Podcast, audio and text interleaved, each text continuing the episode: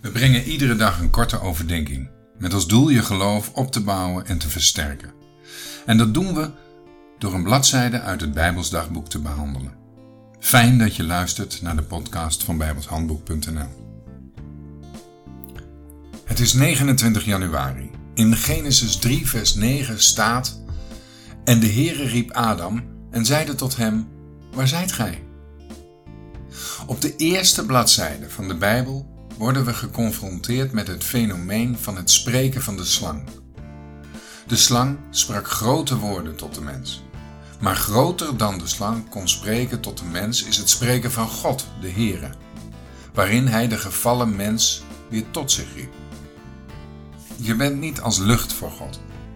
De Heere riep de bevende, miserabele Adam tot zich.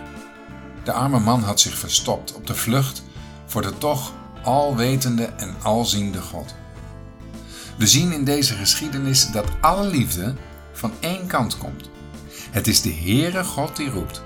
Hij laat de mens zeggen wat zijn positie is. Hij hoort in groot geduld en met groot geduld aan dat Adam de schuld schuift op Eva en dat Eva dat vervolgens weer doorschuift naar de slang.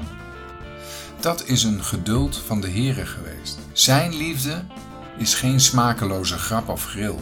Hij kan de praatjes en smoesjes van de mens, zijn nietige verontschuldigingen zelfs aanhoren. Hier zien we de liefde van de Heer die ons neemt zoals we zijn.